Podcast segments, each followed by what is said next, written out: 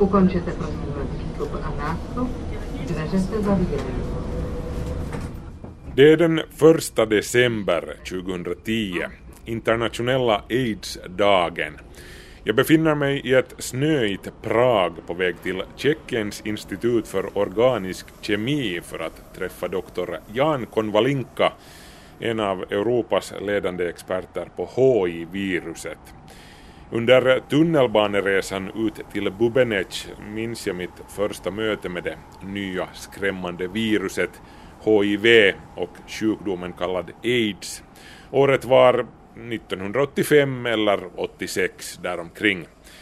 En människa som jag kände hade nyligen dött i aids och jag minns att jag var lite rädd. Det talades om bögpesten och på skolgården pratades det om tvångskarantän för homosexuella och på ungdomstidningen Suosikkis bis ett hanispalt undrade någon om man kan få aids av att onanera. Ja, man visste ju inte riktigt vad man skulle tro.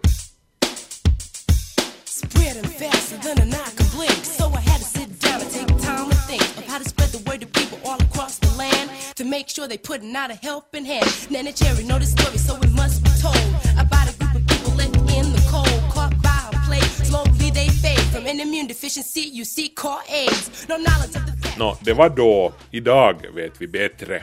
Eller, tja. En färsk opinionsundersökning visar att en fjärdedel av finländarna mellan 20 och 30 tror att man kan få smittan via insektsbett. Majoriteten av finländarna tror att HIV inte berör dem, väldigt få testar sig frivilligt och skyddad sex upplevs som mindre och mindre viktigt. För HIV är inte en dödsdom längre, det är på sin höjd ett huvudbry i klass med herpes och hepatit B kanske. Inget att svettas över. Var har du varit? HIV är besegrat ju. Skulle man få smittan så finns det ju alltid mediciner. Hmm. Nå, det är ju i och för sig sant, det finns mediciner, säger Jan Konvalinka. Och tacka vetenskapen för det. I think, and it's very often not acknowledged, what science has done in the past 25 or 30 years is actually great job. You know, we have 26 drugs that could be used to treat AIDS. It's more than uh, against HIV. We have more drugs than against all the other viruses combined. Vi har just nu fler mediciner mot HIV än det finns mot alla andra virus sammanlagt, säger Konvalinka. Och det här är något som ofta glöms bort, det här med vilket enormt jobb vetenskapen har gjort för att ta oss dit vi är idag. För 25 år sedan var du sannolikt död inom 2 till 5 år efter att du hade fått smittan.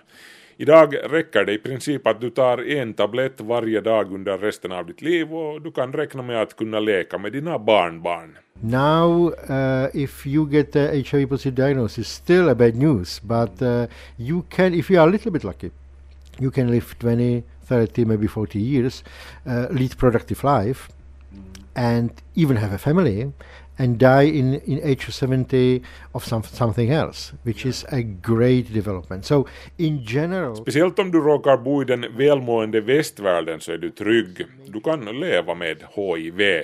Men nu är ju inte alla så lyckliga som vi vet. Det finns just nu uppskattningsvis 33 miljoner HIV-smittade i världen och varje år smittas nästan 3 miljoner till och cirka två miljoner dör i aids. Absolut största delen av dessa bor i fattiga länder utan tillgång till mediciner och allt fler smittade är kvinnor. Den just nu kraftigast ökande gruppen av smittade är kvinnor i åldern 14 till 25. Och nu ska vi minnas att HIV har inte gått någon vart. Slaget må vara vunnet åtminstone här i väst, men kriget som helhet, ja, hur går det? Uh, the uh, correct answer would be we do not know. Uh, and of course, uh, I was optimistic before, so now I should say a warning the virus still mutates, and this is actually something we work very much on. The way, the molecular evolution of the virus, so how the virus does the job of, of changing itself and escaping from the control by. Problemet med HIV är att det förändras hela tiden, det muteras. Bromsmediciner kan bli ineffektiva med tiden. Konvalinka menar att vetenskapen och viruset är involverade i en kapplöpning där vi än så länge håller jämna steg med HIV men att vi inte har råd att stanna upp för ens en sekund. Vi måste fortsätta springa, säger han. Jan Konvalinka forskar just nu i enzymer eller proteaser som HIV-viruset använder sig av för att ta sig in i och smitta våra celler. Genom att blockera de här proteaserna hoppas forskarna att kunna hindra HIV att invadera våra celler.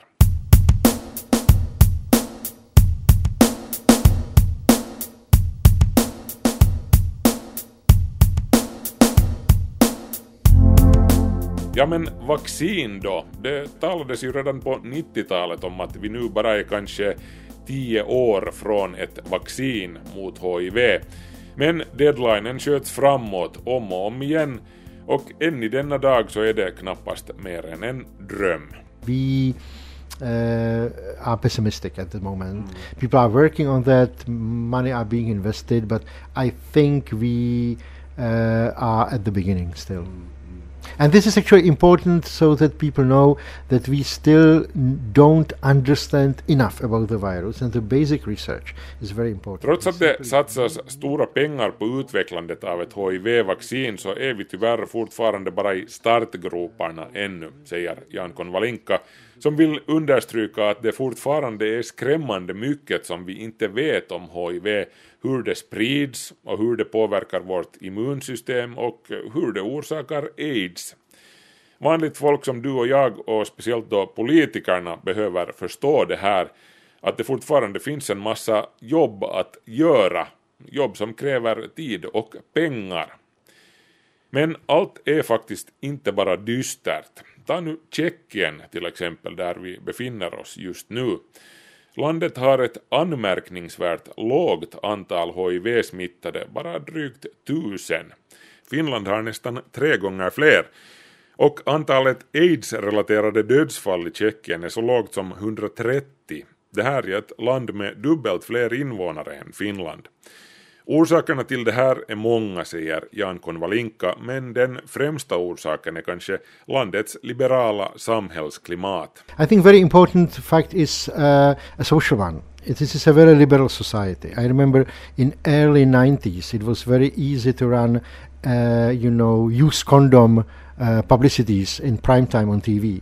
By that time, it was difficult to do the same in the US or in, in Germany, for instance. So this is very permissive liberal society where church uh, does not play a major role in... in, in Under det tidiga 90-talet var det i Tjeckien fullt möjligt att på bästa sändningstid gå ut på TV och uppmana folk att använda kondomer för att skydda sig vi här i det likaså liberala Norden ser kanske inget konstigt i det här men under samma tid så kom kondomkampanjer inte på fråga i det mer religiöst dominerade Tyskland för att nu inte tala om USA. I Tjeckien har kyrkan väldigt lite att säga till om, säger Konvalinka och i det här sammanhanget så är det en bra sak, tycker han.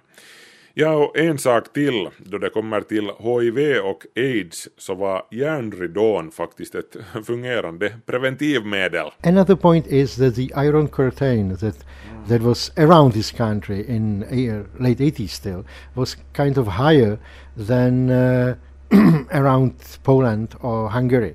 Hungary and Poland were much more open by that time. We were much more Stalinist society in late 80s. Tjeckien, eller dåvarande Tjeckoslovakien, satte punkt för socialismen i och med den så kallade sammetsrevolutionen 1989. Innan dess var landet betydligt mer slutet än till exempel Polen och Ungern. När gränserna till omvärlden öppnades i början av 90-talet så hade epidemin redan rasat en tid ute i världen. Med andra ord så visste man redan ett och annat om HIV och kunde sålunda akta sig. Men det finns också teorier som säger att tjeckerna tack vare tur i det genetiska lotteriet har en osedvanligt stor andel av befolkningen som helt enkelt är immuna mot HIV. Det här är rätt så kontroversiellt och inget som går att bevisa men det är att vissa människor tycks ha en naturlig motståndskraft mot viruset. Det är ett faktum. De beräknas utgöra omkring 7% av befolkningen. Vad vet vi egentligen om de här människorna? This is now a, a very actively pursued uh, branch of science. As you correctly said, there is a certain percentage of people that cannot get the virus because they they lack certain molecule on the membrane of uh, certain type of their cells, which is called a receptor for HIV. The HIV För att ta sig in i våra celler behöver HIV-viruset två specifika typer av receptorer. Vissa av oss har bara den ena typen i sina cellmembran och kan därmed inte få smittan. Vi känner till personer som i åratal haft oskyddad sex med en smittad partner utan att själva få viruset.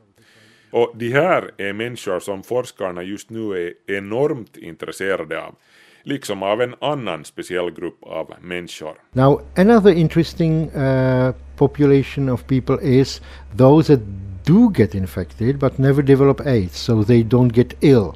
And this is actually even more interesting because there must be something in the immune system that uh, somehow works together with the virus to keep it in check. Nästan ännu mer intressanta än de totalimmuna är de som får viruset men som aldrig utvecklar AIDS.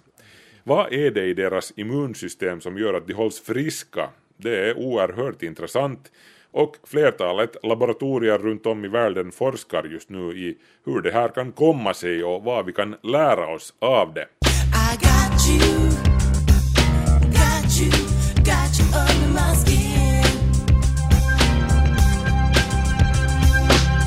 Till slut några ord om virus i största allmänhet.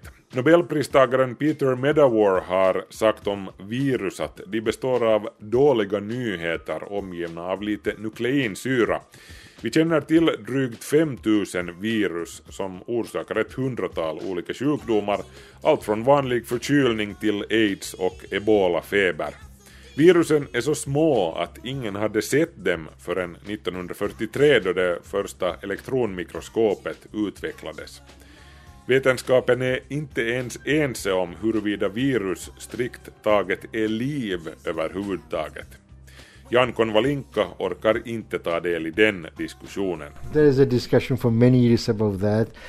I think it's a theoretical question and and we should not really care so much. I I belong to those people who believe that viruses are not alive, that it's it's really a parasitic form of organism which is conditionally alive only in the presence of the cell. So, so, but it doesn't. Uh, it's not so important. It makes you uh, sick, as you said, anyway. Konvalinka själv ser inte virus som liv så som han uppfattar det. Virus är parasiter som bara kan existera på bekostnaden av värdorganismer. Men hur vi definierar virus spelar egentligen ingen roll. De finns där och de gör oss sjuka. Det är egentligen allt vi behöver utgå från. Nästa vecka ska vi tala mer om det här och om den slående likheten mellan datavirus och riktiga virus. Vi ska också diskutera huruvida HIVs betydelse har överskattats och om det var rätt av myndigheterna att skrämma upp oss med svininfluensan i fjol. För den här gången konstaterar vi bara att nys i armvecket, inte i handflatan.